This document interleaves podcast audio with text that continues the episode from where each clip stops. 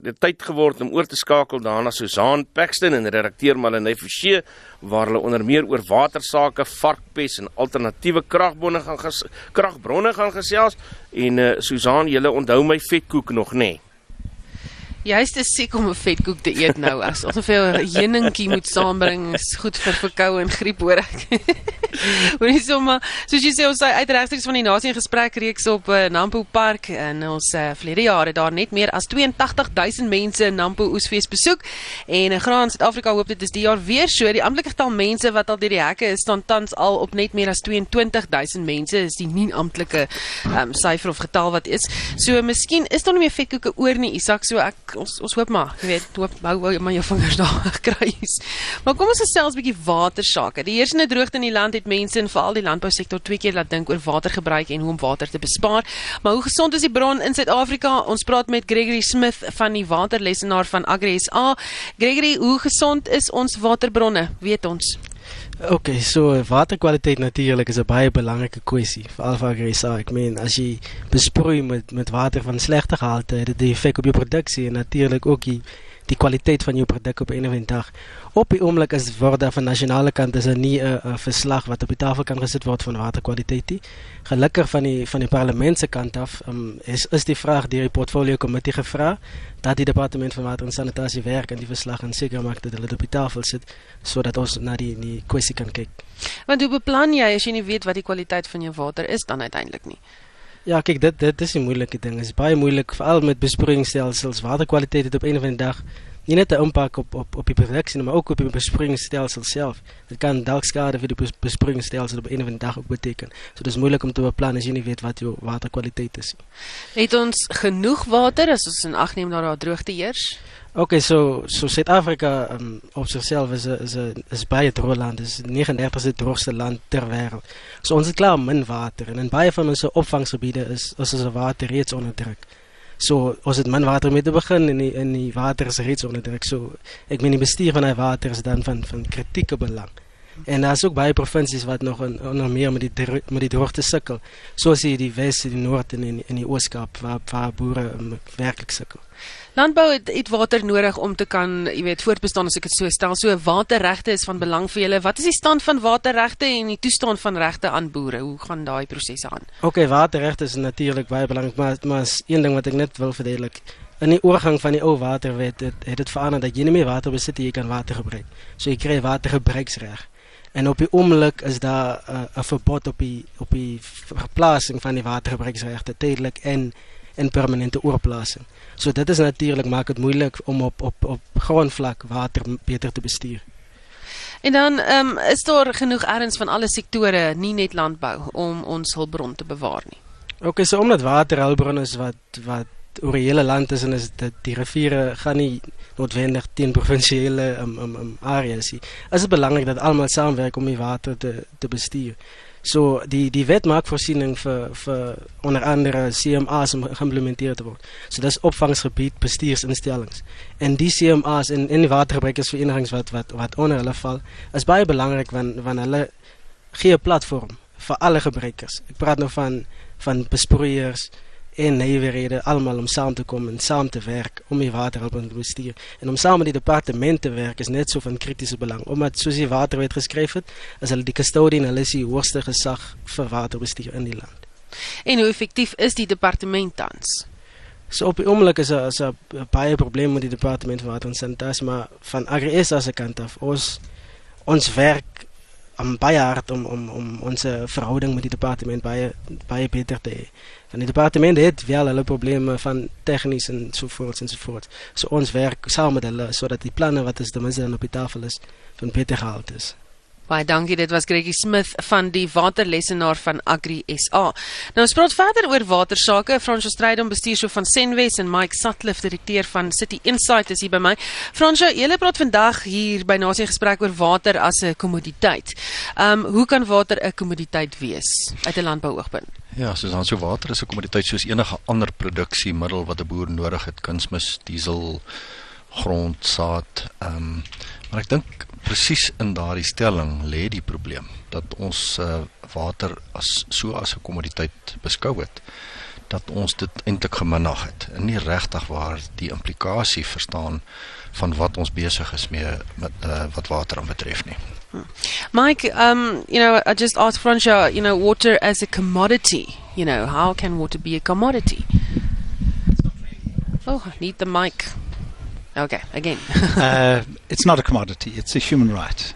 And I think our constitution is very clear. We're the only constitution in the world that actually puts water, as an example, as a human right. It's something that is part of the rights culture, not just political rights, social rights, but economic rights too. Um, and so, because it's a human right, we've had to move from a situation where 13% of our country, the complete water infrastructure, served 13% of the population. And over 25 years, we've broadened that to about 50% people having access to water now um, in their yard or in their house. We still have about 50% to go. In the case of sanitation, things are even worse. So that infrastructure, as we're trying to rebuild it, um, some of the work that we're doing, for example, with the interministerial uh, task team led by Dr. William Keys that brings together 12 of the ministers Minister of Water and Sanitation, Roads and Transport, all of the key ministries there to begin to say how do we get these 35,000 projects on infrastructure that are happening every year? How do we make sure that we integrate those better? So we're building dams, but often we're not reticulating to communities surrounding those dams. Um, the first problem is that at a water resource level, if you look at our country, the two big uh, picture figures we've got to think about is that 80% of South Africans live on 2% of, the land. So we've got this huge crunch of urbanization, as it were, that impacts hugely on us. But the second figure is that if you look, and, and it was mentioned by the person from Agri South Africa, uh, the water scarcity, the reality is that if you look at above ground water, uh, we only have about 22 regions in the country where there is a water source. If you look at groundwater, there's only about 37. And that's only 9% of the land of our country has water either above ground or groundwater. So we've got to deal with that. Um, and historically, what happened was that people who are richer uh, have a huge consumption of water. I mean, they're probably anything almost double the international standard of what people consume at water. So the first thing we've got to begin to do is to say to people, how do you conserve water? How do you use less water? Um, and then quite clearly you've got to get into things like quality and other issues there. But the first is that you, we've got to recognize it as a human right. And, and unless we start working within that and saying, if people get access to it, how do we make sure that we get the right infrastructure, better quality, improved competency levels, all of those issues that you know, government is really trying to do, the private sector is trying to do. There's an initiative that Dr. Mkhize is, is running at the moment to try and uh, as part of the president's economic stimulus, to get 400 billion rand mobilized in the private sector for funding that infrastructure. Uh, we need to do it. Uh, we have no option. Fransja, die vraag dan aan jou is, jy weet, hoe balanseer jy dan hierdie mense reg met uh jy weet, jy weet of ja, met industrie om genoeg te gee vir almal om te kan leef en hulle werk en te kan produseer en so meer. Ek dink ons begin al meer uh, soos aan te sien dat jy weet dit is nie onderskeidbare goederes nie. So ekonomiese realiteite en sosiale ehm um, benodigdhede is nie meer aparte goederes nie. Die een is vervleg met die ander ene en in baie gevalle is albei ewe belangrik maar die een kom voor die ander ene. Kom ons vat byvoorbeeld jy weet 'n sosiale ding soos uh die reg tot werk. Dis dis 'n menswaardigheidsding. As iemand nie 'n werk het nie of nie 'n bron het om sy inkomste te verdien het nie, is is dit 'n geweldige het dit 'n geweldige sosiale impak op hom. Maar om daarby te kom het jy jy het ekonomie nodig. Jy het 'n groeiende ekonomie nodig. Uh en dan kan daar van daai uit daai oogpunt uit kan daar jy weet die sosiale need uh, geadresseer word. So ek dink ons het baie gekompartmentaliseerd na goed gekyk. Ons het elkeen maar ons eie siening gehad dit wat Mike nou gesê het. Jy weet dit hang af in watter een van daai gemeenskappe jy is, hoeveel impak dit op jou het. Jy weet as jy uh, uit 'n goeie gedeelte van die samelewing kom, dan is jy geneig om nie te dink dat daar iemand anderster jy weet anders 'n ander siening kan kan hê oor water nie. So ek dink ons hele ekonomie dis waar ons land nou is dat dat ons kan nie meer aangaan om as jy weet verskillende gemeenskappe wat niks met mekaar uit het voort te bestaan. Ons is 'n geïntegreerde 57,5 miljoen mense wat saam in hierdie ding is. Ons moet ons probleme saam oplos en water is 'n absolute krisis, jy weet 'n kritiese um, aspek waarna ons moet kyk. Julle al spesifieke planne, jy weet oor hoe julle die kwessie gaan benader uit 'n landbou oogpunt? So ek ek dink die realiteit uit 'n landbou oogpunt uit is dat dat daar al meer verstaan word dat daar effektiwiteitssyfers. Want landbou is 'n baie groot gebruiker van water. Ehm um, en bloot uit 'n produksie oogpunt uit het boere al besef dat jy weet vir elke millimeter reën ehm um, of water wat hy gebruik, daar 'n hele hoeveelheid inset uh, of of uitsette is. Is dit 'n eenjarige gewas? Is dit dalk 'n gewas wat jy kan uitvoer en baie hoër inkomste kan so uit 'n produksie oogpunt uit? Is daar 'n begrip in landbou dat uh dat water op verskillende maniere gebruik kan word en verskillende waarde kan skep? Maar ek dink hier's 'n baie groter uh probleem. Jy weet as 'n mens uh kyk na die hoeveelheid gestoorde water in Suid-Afrika en hoeveel op die einde uh weet gebruik word en en hoeveel uh, daar uh uh jy weet betaal word vir dit aan die een kant aan die ander kant is mense na al die munisipaliteite kyk en kyk hoeveel disfunksionaliteit daar in die retikulasie ehm um, geriewe is. Hierdie is 'n geweldige ehm um, ekonomiese impak uh, wat dit het op Suid-Afrika. Sou die sektor op 'n stadium dit dalk oorweeg om soos Indië en China water in te voer? Ja, ek dink uh hopelik voordat ons daarby kom, kry ons dit reg om in Suid-Afrika ons eie ding uit te sorteer. Want sodra dit soos enigiets anders dat die oomblik as jy begin invoer, dan ehm um, voer jy eintlik werk van 'n ander land af in. Jy wil eintlik dit self hierso doen. En natuurlik wat jou valuta inkomste aanbetref, uh, destabiliseer jy ook jou jou geld en dit hoe meer jy invoer. So ideaal gewys sal wil ons ons eie waterprobleem oplos. Mike, um, you know, you just listened to Francha there, Yeah. and as you were saying, no, no, it's a human right, um, but it also locks or water locks into a lot of other things. Um, Sure. You know, before you you uh, you can say, listen, I used one milliliters of water for this. So um, you are also an expert in municipalities and service delivery. What are the biggest issues regarding service delivery, um, regarding water and everything else? Well, the first thing I want to say, and I do agree largely with what Francois said, but the, the reality in South Africa is that we've got to make sure that the water sources we have, we make sure that we collectively realize the point that he's making is that as South Africans, it belongs to all of us. The historic thing that I can put a borehole in my backyard and uh, that's my water and the municipality should have nothing to do with it is nonsense. We've all got to accept that we're all in this together and whether the water is above ground or underground, it belongs to South Africa as a whole. Uh, the second issue is that we've got to accept that climate change is the biggest, uh, is going to have the biggest impact on whether it's farming in our country, whether it's ec- the economy of our country, whether it's where people are living. Um, and I think that often we don't appreciate what that means. It means areas that I come from will get wetter, much more intensive rainfall. Areas in northern provinces and provinces like this will get much drier. So, unless we start thinking 20, 30, 40 years ahead of ourselves and starting to plan the kind of agricultural systems we need. When I was city manager in eThekwini, we had plans to look at how we start growing millet and replacing maize with millet because that would be more hardy, for example. How do we get business to use more grey water as an example? Because business wants to use the water that's so purified for purposes that you don't need to use it there. So there are a lot of those areas. At a municipal level, we have huge challenges. Um, it takes, on average, probably five to ten years to get a water treatment plant going. Um, and once you get that going, the demand is already exceeding what it can manage to deal with. So the problem is, firstly, just at the level of the fact that demand is exceeding supply. The second issue is that we do have competency problems. So in many of our wastewater treatment works, about a quarter of them, uh, there are about a thousand uh, in the country, thousand water treatment and about uh, eight, nine hundred uh, wastewater treatment. About one third of them are in critical situations where they're not managing that. We're dealing with Infileni at the moment, where they're facing the whole of Gauteng's economy as well as people explosion, as well as incompetence and some corruption thrown in. What we have to do is to disentangle that, send the corrupt people to jail, focus in on improving uh, competency levels, but collectively getting business and everyone in that area and communities to understand that look, you can't, we can't kill the system. Uh, we can't have the situation that the demand is is uh, so exceeding the supply that the the pumps just go out of kilter.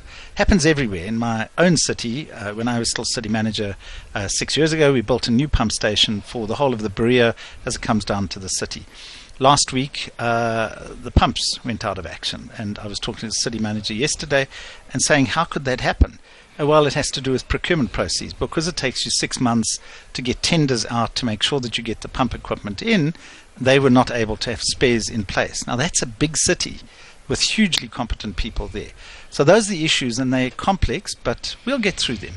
I've got no doubt. That's what I want to hear is that Don't last worry. part. Are we Uh, going to be able to I think this? you know the government, the private sector, and others. I use the example of the president's um, looking at a fund of 400 billion. So one of the things we're doing is working with the private sector because we know that tied up in the savings and loan associations, the banks, there's probably about 300 billion rand.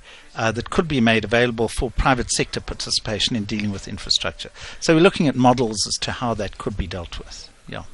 Baie dankie. Dit was die stem van Mike Sutcliffe, direkteur van City Insights en ook Francois Strydom, bestuurshoof van Senwes, wat daar gesels het oor water. Alternatiewe kragbronne, as ek ehm um, jy weet eerder as Eskom is ook 'n gesprekspunt waar almal op Nampo Park praat. Mense soek 'n plan om hulle plase onafhanklik te maak van die nasionale kragnetwerk omdat hulle bloot nie meer Eskom se vermoë om krag te voorsien vertrou nie. Ehm um, so daar's 'n klomp kwessies uh, oor Eskom en oor krag en uh, ek praat nou met uh, Nicole Jansen, voorsteur van ekonomie en handel van Agri SA. Nicole, ehm um, jy weet wat is die jongste in terme van hernubare energie en uh, hoe daai prosesse gaan werk. Wie mag dit almal doen? Wat is jy wat gebeur nou daar? Ja, Susan, ons het nou net oor water gesels. Jy weet ironies, daar is nie alternatief vir water nie, maar daar is 'n alternatief vir energieopwekking en dit kry ons nie eens uitgesorteer in Suid-Afrika nie. Dit is tog regtig jammer dat dit so moet loop. Op hierdie stadium ehm um, het die groot IPP projekte is is redelik aan die gang. Daar is ook 'n klompie uitdagings, maar maar maar daar is alternatiewe energie. Dan binne munisipaliteite ehm um, hang dit af van goedkeuring van die munisipaliteit. As die munisipaliteit instem daartoe, dan kry ons baie op huise ons ons ehm um, dakinstallasies en so meer so binne munisipale netwerke gaan dit redelik aan. Die groot uitdaging lê om op Eskom se netwerk gekoppel te kry. En en en dit is waar ons werklik waar bloed sweet op hierdie stadium en en wat dit regtig onnodige vertragings tot gevolg het. En daar ongelukkig is landbou die grootste word die grootste geraak omdat landbouers direk op die Eskom netwerk moet koppel. Ons het baie lank gesukkel om die regulasies deur te kry.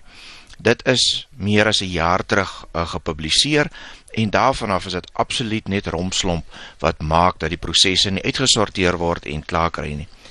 As ons bietjie verder kan gaan, ons het nou die aankondiging van minister Jeff Radebe gehad waar hy sê hy die stopkrane oopdry en dat ons nou kan krag toevoeg.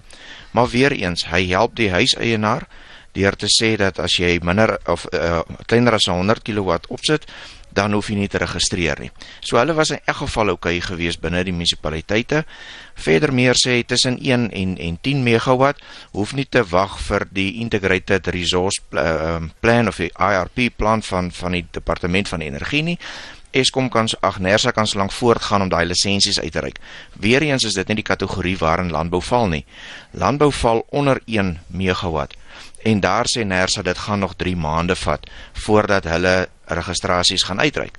Die probleem is die prosesse binne Eskom is daar gestel. Die die die die boere het dit gevolg tot op die letter. Die sonplase is gebou tot soveel as 20 miljoen is is is opgesit. Nou betaal jy jou rente en jou delging aan die bank waar jy die lening gemaak het, maar jy betaal nog jou volle Eskom rekening omdat jy nie energie kan afbestuur nie, net omdat Nersa dit nie wil lisensieer nie. Nicole, ehm um, weet net vir tyd, uh, jy weet beveel julle aan dat almal van die netwerk afklim. Nee, uh Agri Suid-Afrika is nie ten gunste daarvan dat almal van die netwerk afklim nie. As ons kyk na die Europese lande, is dit vir die land die beste as soveel as moontlik aan die netwerk gekoppel bly, sodat wanneer jy ekstra energie het, iemand anders dit kan gebruik. As almal in isolasie um, en geïsoleerde stelsels het, gaan daar tye kom wat jy ekstra energie het en dan gaan jy dit eenvoudig net uh, verlore gaan. So dis nie goed vir die land. Laat almal afklim nie. Eskom moet hulle plek in uh, en Nersa moet hulle goed in plek kry dat die ouens op die Eskom netwerk kan koppel. Stem van Nicole Jansen, voorsitter van handel en ekonomie van Agri SA. Nou vrede week het ons berig dat daar varkpes op 'n plaas in Heilbron uitgebreek het en vir die jongste oor die uh, onlangse geval, ehm um, praat ons nou met die voorsitter van die Suid-Afrikaanse varkprodusent organisasie Johan Kotse. Johan, uh, wat is die jongste wat betref? Is alles onder beheer? Ja, ons was Dinsdag was ons op die plaas gewees en ons het toe saam met ehm um, die lokale veearts het ons toe ehm um, 'n besluit geneem dat ons wel ehm um, die totale kudde wat daar was het ons toe gister van kant gemaak om die die virus te beheer. So ek dink tot 'n mate is dit beheer lokaal tot waar dit was. Dan weer eens net. Ehm um, die siekte, kan mense dit kry? Kan mens nog die vleis eet? Wat is die besonderhede hieroor? Mense kan nie die siekte kry nie, maar mense dis ook nie aanbeveel dat mense besmette vleis wel eet nie. Ehm um, so die gevolg is dat en baie mense dink nou dat dat die produkte self besmet is. Geen produk wat in die mark is is besmet met met varkpes nie. So maar dis nie mense kan glad nie gebruik van die besmette vleis wel kry nie. So en dis ook nie 'n gevaar vir die mense. Mense word ook nie siek van varkpes nie. Hmm. En dan uh, sê 'n bietjie vir ons, hoe groot is die bedryf, hoe gesond is die bedryf? Ja, ons het 'n gesonde bedryf. Ek dink min mense besef hoe gesond die varkbedryf werklik is en hoe sterk die biosekuriteit is wat mense toepas. En dan praat ons van die hele waardeketting van waar ons met produksie begin regdeur tot by slagpale geprosesseer en dan tot by die die eindverbruiker. So ek dink ons het 'n baie gesonde bedryf. Uh die varkpes is 'n bedreiging vir die bedryf omdat dit dalk 'n uitwissing van kudde kan doen. Maar dit hou nie gevaar in vir die verbruiker nie. Um, so dis vir ons as as 'n as 'n produsent is dit regtig uh, 'n uh, krisis want ek moet dit moet regtig beperk word. 'n Moeilike virus om te bestuur omdat jy met vervoer probleme sit, jy sit in die oordraagbaarheid uh gaan dis dit word gekontamineer. Um, so dis 'n dis 'n moeilike bedryf om te kan bestuur. Hm, daar sê gaan jy daar in hierdie rede val, ons gaan in op hoogte bly daarmee met jou. En dit was die voorsitter van die Suid-Afrikaanse varkprodusent organisasie Johan Kotse en van die span hier by Nampo terug na Johannesburg.